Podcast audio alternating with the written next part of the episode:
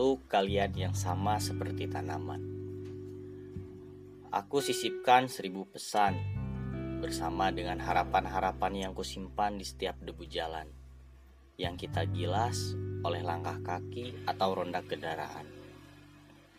Jalan itu selalu basah dijatuhi rintik hujan yang manis. Airnya menggenang penuh pesan. Setiap harinya rerumputan tak pernah kekurangan air. Tetapi kaktus di halaman rumah yang tak beratap malah membusuk. Jujur, kita malah sering memperhatikan objek di luar diri kita. Darinya, aku sepakat pada pepatah yang berkata, rumput tetangga selalu lebih hijau.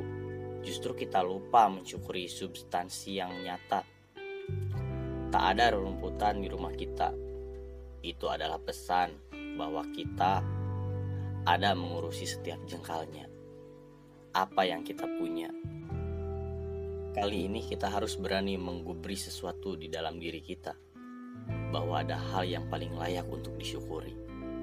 Nafasmu yang bawa perjuangan. Barangkali kita selalu kesal, selalu saja menjelma seperti kabut yang berwarna kelabu.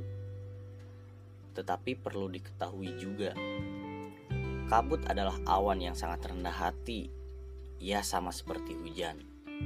Benda langit yang berani menyapa tanah bumi. Kita bingung dengan keadaan. Gamang dengan hari esok yang belum tentu tiba. Keadaan seperti itu sudah banyak menggugurkan semangat mereka yang sedang mencari jati diri. Sudah banyak dari mereka yang sedang kebingungan mempersiapkan masa depan, penuh dengan ketakutan, tetapi terlena dengan keadaan. Hidup juga butuh semangkuk puisi untuk menjelaskan betapa indahnya kata-kata, betapa indahnya jalan kehidupan. Jika dirangkai dengan peristiwa dan kenangan yang menuntun pada jalan kecewa, begitupun hidup di dalamnya penuh dengan puisi. Semangkuk puisi itu dihadirkan untuk para remaja yang dicumbui oleh resah jiwanya. Biasanya terlihat dari mata yang beler akibat semalam begadang membicarakan lika-liku kehidupan. Semangkuk puisi itu sudah disiapkan untuk menyelamatkan mereka dari kemarahan, dari keadaan di mana setiap dirinya sedang berdiri pada titik perenungan. Kawanku ada yang sedang bersantai pada posisi seperti itu. Ia hanya memegang kata-kata seorang tokoh absurditas. Kata-katanya kurang lebih seperti ini. Haruskah saya bunuh diri atau meminum secangkir kopi? Tapi kawanku dengan tegasnya memilih bunuh diri. Membunuh dirinya yang penuh dengan ketakutan, membunuh keadaan yang membuat gamang. Sebab kopi katanya ia selalu nikmati setiap hari. Dari semangkuk puisi itu berisikan banyak pesan dan harapan. Untungnya kawanku sadar dirinya adalah puisi tanpa kata-kata di dunia nyata. Termasuk remaja yang sedang menyelami fase seperti penjelasan di atas. Dirinya sedang mencari cara bagaimana pertanyaan dalam benaknya itu tersampaikan agar rasa bingung dan bimbang atas tindakan tidak lagi menjadi alasan dirinya takut untuk melangkah. Satu temannya sempat menyarankan agar dirinya melanjutkan pendidikan ke jenjang yang lebih tinggi. Lalu, ada teman lainnya menyarankan membuka usaha, tapi tidak dengan memberinya modal.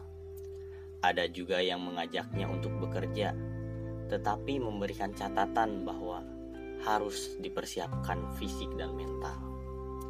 Memang benar, mental yang paling utama dibangun dalam menghadapi kondisi seperti apa pun.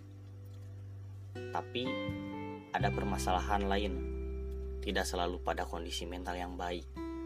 Selalu berkaca dan mengingat keterbatasannya. Ada juga dari salah satu temannya menasehatinya dengan baik dan penuh semangat. Tentu harus banyak disyukuri.